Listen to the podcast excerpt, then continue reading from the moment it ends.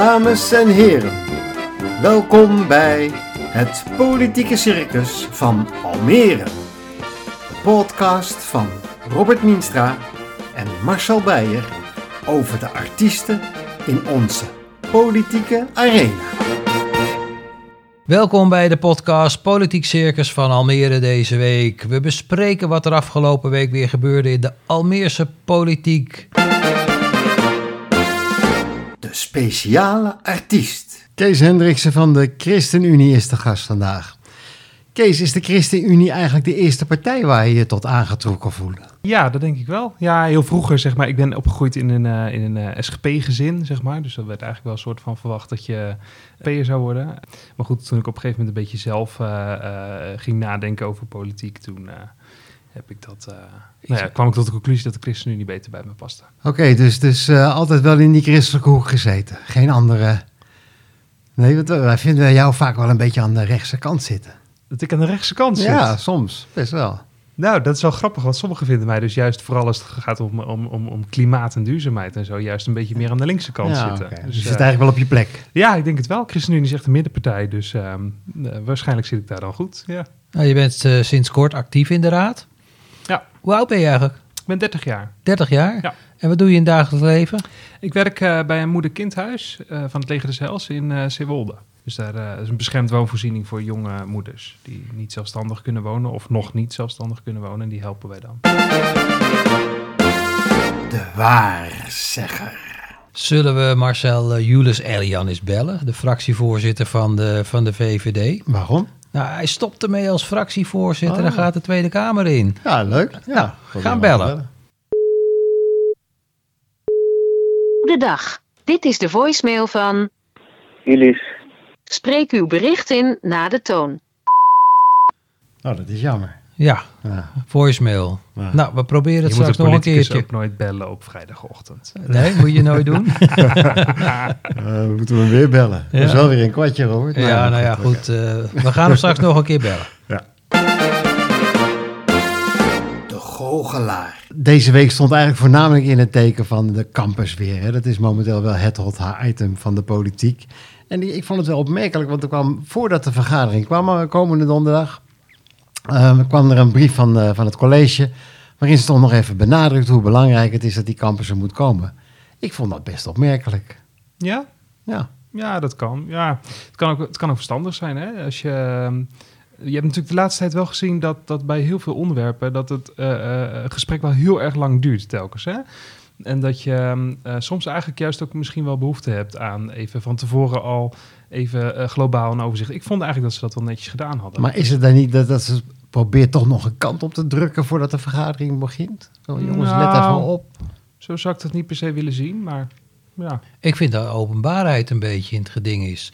Want mensen die dan eh, de politieke markt bekijken via Notubis, die hebben dat document vooraf niet gezien. Nou, dat is ook openbaar, dat document. Ja, maar dat gaan mensen natuurlijk niet zien. van tevoren lezen. Die weten dat helemaal niet, dat het college vooraf al alles eh, heeft ingezijnd.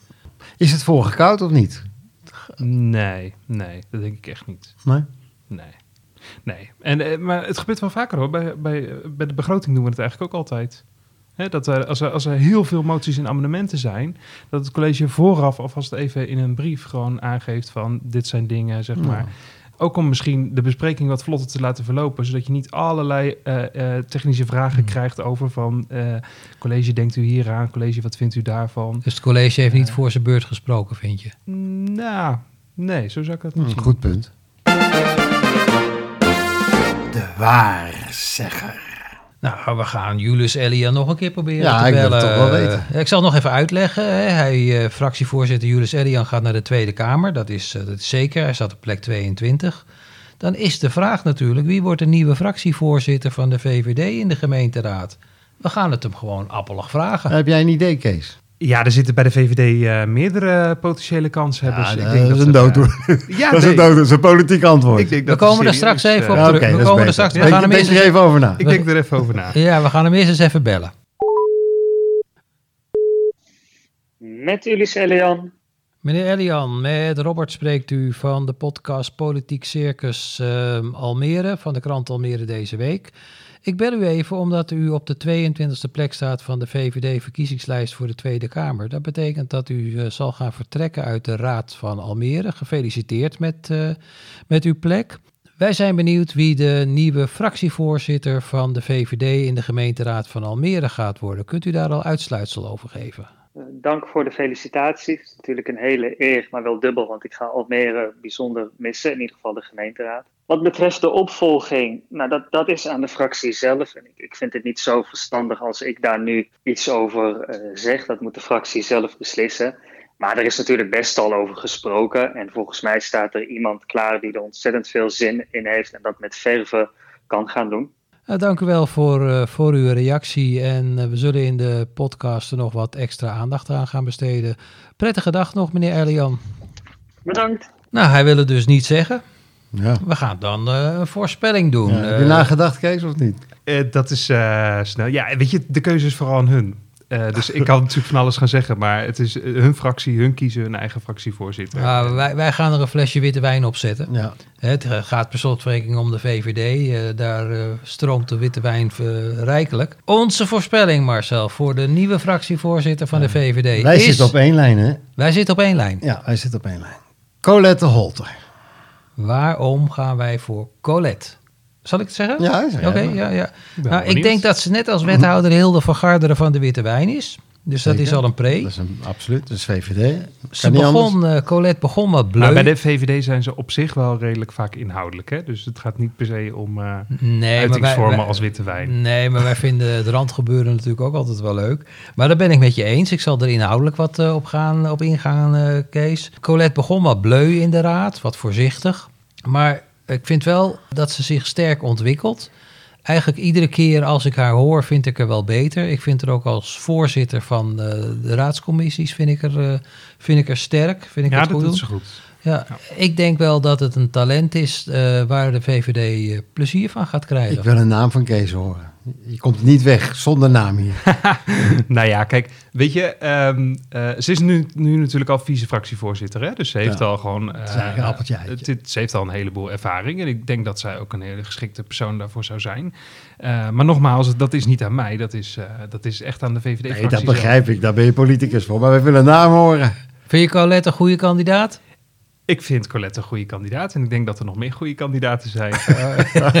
We hebben een politicus aan tafel, Marcel. We hebben een politicus nou, aan nou, tafel. nou, nou. Nou, wij gaan voor Colette en eh, we zetten die witte wijn erop. Ja. En als we winnen, dan nodigen we Hilde en Colette samen hier uit eh, Zeker. om die witte wijnsoldaat te maken. Koorddanser. Marco de Kat, dat was wel een koorddanser. Ehm, hij is van Leefbaar Almere. Hij was vorige week trouwens de gast hier in de podcast. En hij moest donderdag eh, in de politieke markt alle zeilen bijls- bijzetten toen het over de bouw van Windesheim ging. Leg het even kort uit. Hij had een motie ingediend, althans Leefbaar had een motie ingediend... die opriep tot onderzoek naar een alternatieve locatie voor Windesheim. En dat moet dan naast eh, dat voorstel voor de voetnoot komen. En wethouder Maaike Veningen die vond dat best lastig. Eh, Zo'n onderzoek is duur en het levert vertraging op. Maar ze deed wel de toezegging om haar uiterste best te doen, een serieus onderzoek. En daarom vroeg Marco de Kat even een minuutje schorsing, want die moest even nadenken. Dus hij zat even in zichzelf te murmelen, moest zijn gedachten ordenen. En eh, toen zei hij van nou oké, ik geloof de wethouder op haar woord en ik trek mijn motie in. Dat betekent dat de sloop van de voetnoot nu in handen ligt van Leefbaar Almere. Stemmen ze mee met een coalitie die voor de sloop van de voetnoot is, of met de oppositie die toch voornamelijk tegen is? Gaat de ChristenUnie voor hem bidden, Kees? Leuke vraag. Eh, alle, alle- allereerst eventjes, het, het gaat natuurlijk, hè, het voorstel gaat over eh, een campus in de binnenstad. Het Ja. voorstel gaat niet over de sloop van de voetnoot. Hè, laten we ook even van de positieve Helemaal kant kijken. Gaan wij bidden voor, eh, voor Marco? Ja, weet je, de ChristenUnie-fractie bidt, elke fractievergadering trouwens, gewoon voor de voltallige raad en voor het hele college.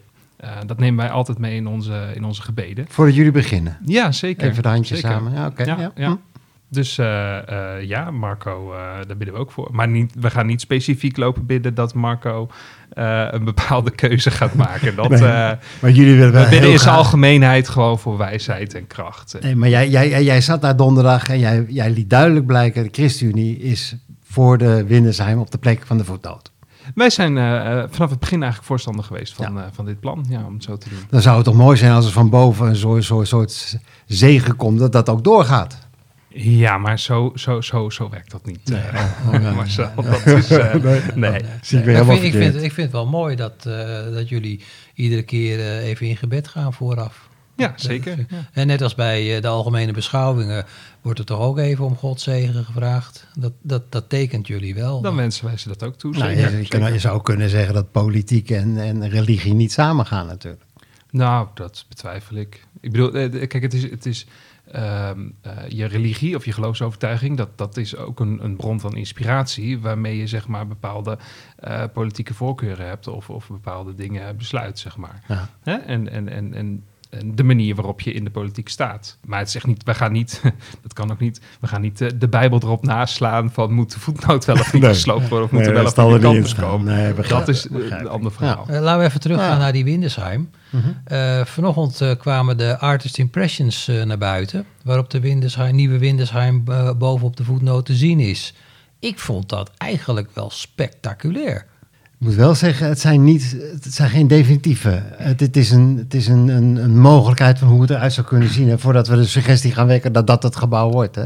Oké, ja, ik heb ze nog Heb niet gezien. gezien? Oh, nee, nou, nee, eh, dat is me even... eh, Maakt niet maar uit. dat is maar- heel vers, hoor ik ook net. Dus, eh, Ja, ze, Ja. we zagen ze vanmorgen inderdaad Oké. online komen. Ja. Nou, ik ben benieuwd. Ik, ik wou nog iets weten, Kees. Ehm, het gaat om de Windesheim-studenten. Eh, er is vaak gezegd van ja, die willen niet 60 meter verder lopen als de, de school ergens verderop komt te staan, bijvoorbeeld het Odeonpark. Maar RS Hogeschool, die gaat naar de Floriade. Ja. Die studenten tellen dus blijkbaar niet mee om de reuring te krijgen in de stad. Hoe zit dat? Hoe kijk jij daar tegenaan? Toen bleef het Toen bleef stil. het stil. Kees, Kees denkt even na. Ja, ook een minuutje bedenktijd. Ik heb, ja, ik heb, ik heb even net als Marco even... We schorsen deze podcast even. Eh, eh, eh, de- ik- dat, dat weet ik eigenlijk helemaal niet. Maar ik weet eigenlijk ook niet zo goed nog wat, wat ze gaan doen met dat gebouw van RS. Want het stond volgens mij Nee. niet in deze... Ja, Nee, nou, weet je, de argumentatie stukken. is dat de studenten van Windesheim voor reuring zorgen in de stad. Ja, Eh, maar dat is niet het enige argument. Hè? Je- de- de- kijk, het plaatje is breder. We willen die binnenstad, willen we... Het idee was nu, zeg maar, van we willen een campus maken. En die gaan we niet buiten de stad zetten of aan de rand van de stad of wat ook. Maar die zetten we echt midden in het centrum neer. Dat kunnen we nu nog doen, zeg maar. Over 50 jaar of over nou ja, eh, langere tijd, dan is daar geen ruimte meer voor. Dan kunnen we dat niet meer doen. We kunnen nu nog de beslissing nemen om zoiets te doen. En ik denk niet dat het, het, is niet het enige argument is niet van er moeten studenten door die Ja, binnenstad maar jullie zien het dus als een kans. Wij zien het al- als een mooie kans zeg maar, voor Almere om, om een, nou ja, een hogeschool van allure, het is een van de beste hogescholen van Nederland, hè, om die echt voor Almere te behouden.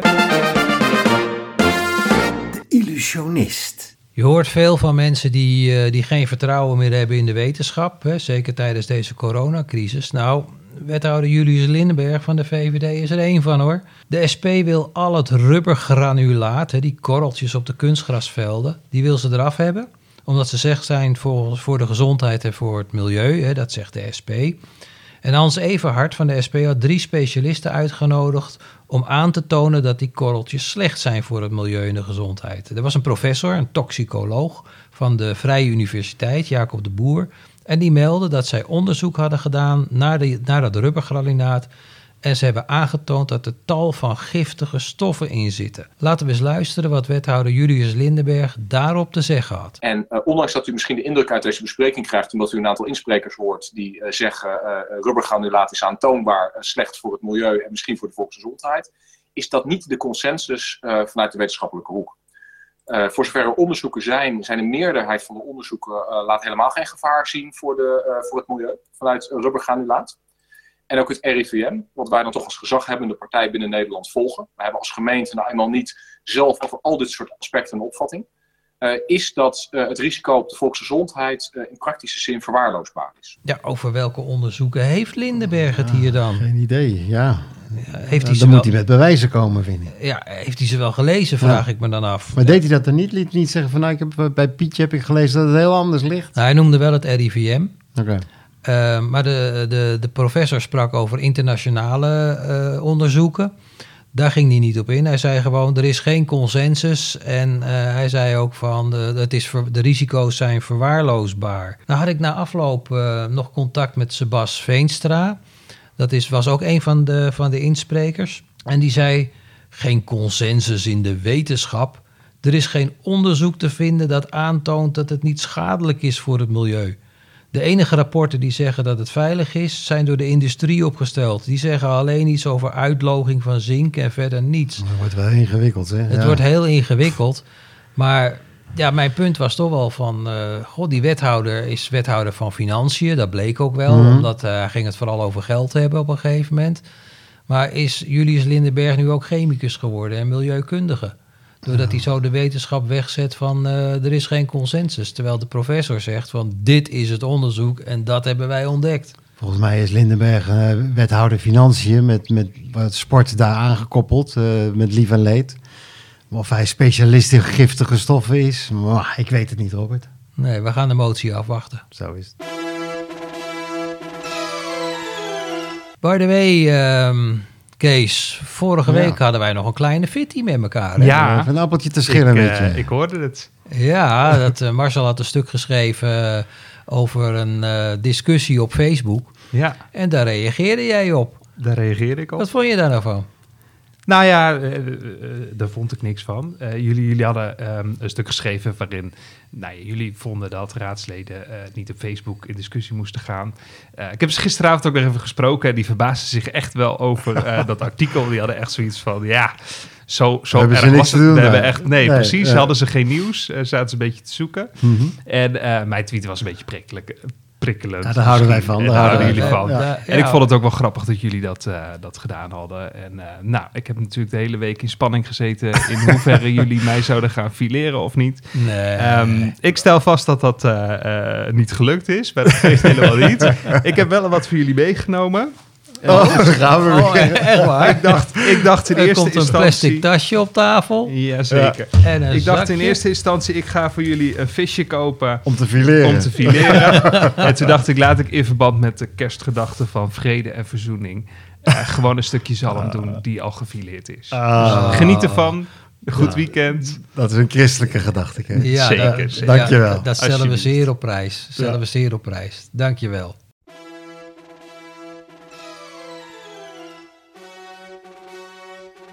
Fijn dat je weer geluisterd hebt naar deze podcast. Laat van je horen door te mailen naar redactieapenstaartalmeredezeweek.nl Het is natuurlijk ook hartstikke leuk als je deze podcast op je social media deelt. En je kan ook nog weer achter de schermen kijken op YouTube. Ehm, we laten dan eh, zien hoe de voorbereiding eh, van deze podcast gaat. Die komt komend weekend komt die op ons YouTube kanaal. Maar Robert, Robert, Robert. Ja. Er is volgende week ook weer wat leuks. Oh. Want we hebben natuurlijk op onze pijlen de afgelopen edities ook wel een beetje op GroenLinks gericht. Op de clown. Ja, Loop. dat was wel echt... eh, Ja, te veel Nou, ja, je zou bijna denken dat jullie GroenLinks-haters zijn. haters zijn. Oké. Nou, maar we hebben volgende week eh, Willianne van der Heijden van GroenLinks hier. Dus ik stel voor dat jullie dit eh, verzoenende gebaar, laat me zeggen, Ja, dat jullie dat volgende week... Hè? Ja. Ik hoop dat ik jullie geïnspireerd heb. We leren van je, Volgende week bij Ja. GroenLinks eh, een mooie uitzending gaat worden. Dankjewel.